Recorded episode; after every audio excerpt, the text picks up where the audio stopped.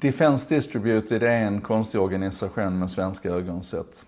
Deras mission är att se till att alla kan bygga sitt eget vapen och det gör man naturligtvis med hjälp av 3D-teknik, 3D-skrivarteknik. I det här fallet är det en fräs, eh, en, en CNC-mill som den kallas, alltså en datorstyrd fräs med oerhört hög precision som låter dig tillverka de här vapnen. Och det nya nu, det som har hänt, är att man nu släpper möjligheten att skriva ut, inte bara det här stora maskingeväret som heter AR-15, utan du kan skriva ut små handeldvapen också. Glocken till exempel och M1911, den här ganska ikoniska handeldvapnet som du ser i alla amerikanska actionfilmer. Och det här är ju liksom, det är någonting som på svenska får liksom, alltså för oss känns det ju här hur konstigt som helst, men ni vet ju hur diskussionen ser ut i USA. Um, de har en lång historia, eller lång historia, men de har en historia det här företaget. De var först med att plocka fram ett vapen som heter The Liberator som var det första helt 3D-utskrivna vapnet som man, som man kunde avfyra. Det var ett singelskottvapen men lik förbaskat.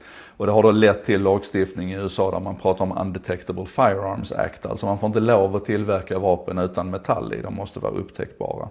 Men det är ju ändå någonting som händer här nu när du kan köpa en sån här fräs för 1600 dollar och sen så köper du underlaget för att, att fräsa till ditt färdiga vapen för, för 65 dollar, alltså 650 spänn. Och, och, planerna för det här, alltså ritningarna för det här är fritt tillgängliga. Det finns ingen registrering, det finns inget serienummer och så vidare. Och det här är ju, det här är ju konstigt, eller hur? Um, vi, vi fördjupar oss inte så mycket mer i det utan vi tar det här som ett avstamp till att prata 3D-printing istället. För det här med, det här med 3D-skrivare det är ju någonting som sedan länge har passerat hypen och blivit verklighet även om vi inte tänker på det i vardagen. Om vi tittar på vår tillverkningsindustri så sker i stort sett all prototyping idag med, med, med hjälp av 3D-skrivning. Våra mekaniska verkstäder skriver ut, du kan till exempel, du kan skriva ut en, en fullt fungerande färdig skiftnyckel i ett enda stycke. Ni vet, det är ju ändå många rörliga delar. Man har skrivit ut klockor som har varit fullt fungerande och så vidare. Och, och tittar vi på, på produktion så kan vi konstatera att tandproteser till exempel ofta idag är 3D-skrivna och till och med väldigt så här, eh, vad ska man säga, saker som kräver både hög precision men också en oerhört hög tålighet. Som delar av Formel 1-bilar skriver man idag ut i, i 3D-skrivare. 3D-skrivarna har också flyttat in i, i hemmen och in i, i, klassrummen. Du kan idag köpa en 3D-skrivare för, för billiga pengar för att skriva ut dina egna leksaker, och skriva ut dina kläder. Till exempel wearable 3D printing är jättestort. Och det som är spännande med det här det är ju att, att hårdvaran, alltså det du behöver för själva utskriften, det finns ju väldigt tillgängligt idag och har blivit billigt. Men ännu tillgängligare är ritningarna till det här. Det finns ett enormt open source community som distribuerar de här ritningarna till dig.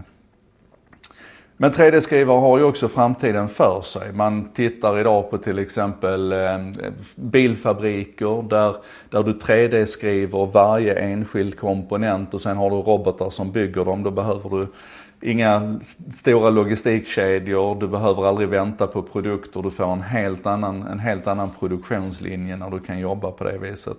Man tittar på eh, konstruktion av hus till och med, hur du har en liten armé av 3D-skrivare som skriver ut de olika byggstenarna du behöver för huset och sen har du autonoma drönare som, som lägger dem på plats och, och sätter ihop det där och då kan du då kan du bygga hus 24 timmar om dygnet oavsett väder och vind och de kan se ut precis hur som helst utan de här färdiga stora blocken som ska transporteras dit. Och så. Alltså överhuvudtaget, det här, det här ställer logistikkedjor och produktion på huvudet. Och det är, vi är där nu. Lite längre bort ligger nanoskrivare som jobbar alltså med, med nanorobotar och nanoteknologi för att ner i, på molekylär nivå egentligen bygga ihop saker och ting, skriva ut komponenterna och bygga ihop dem. Eh, jättestort och, och, precis på, på gränsen till att slå igenom är att man jobbar med biomaterial i de här skrivarna. Eh, L'Oreal till exempel skriver redan idag ut flera, flera kilometer, eller förlåt, kvadratmeter med, med eh, mänsklig hud, inom citationstecken mänsklig hud.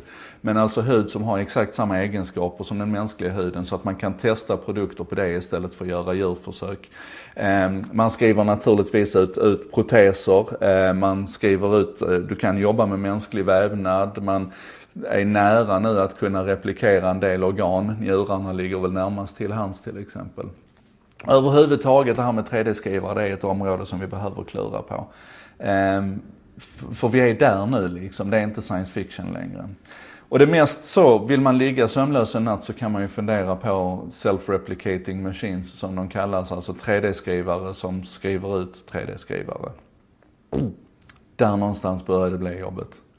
Anyway, gå ut i världen här nu idag, titta på allting du har runt omkring dig som har en, en logistik och en leveranskedja bakom sig och klura på om vi skulle kunna skriva ut det där istället.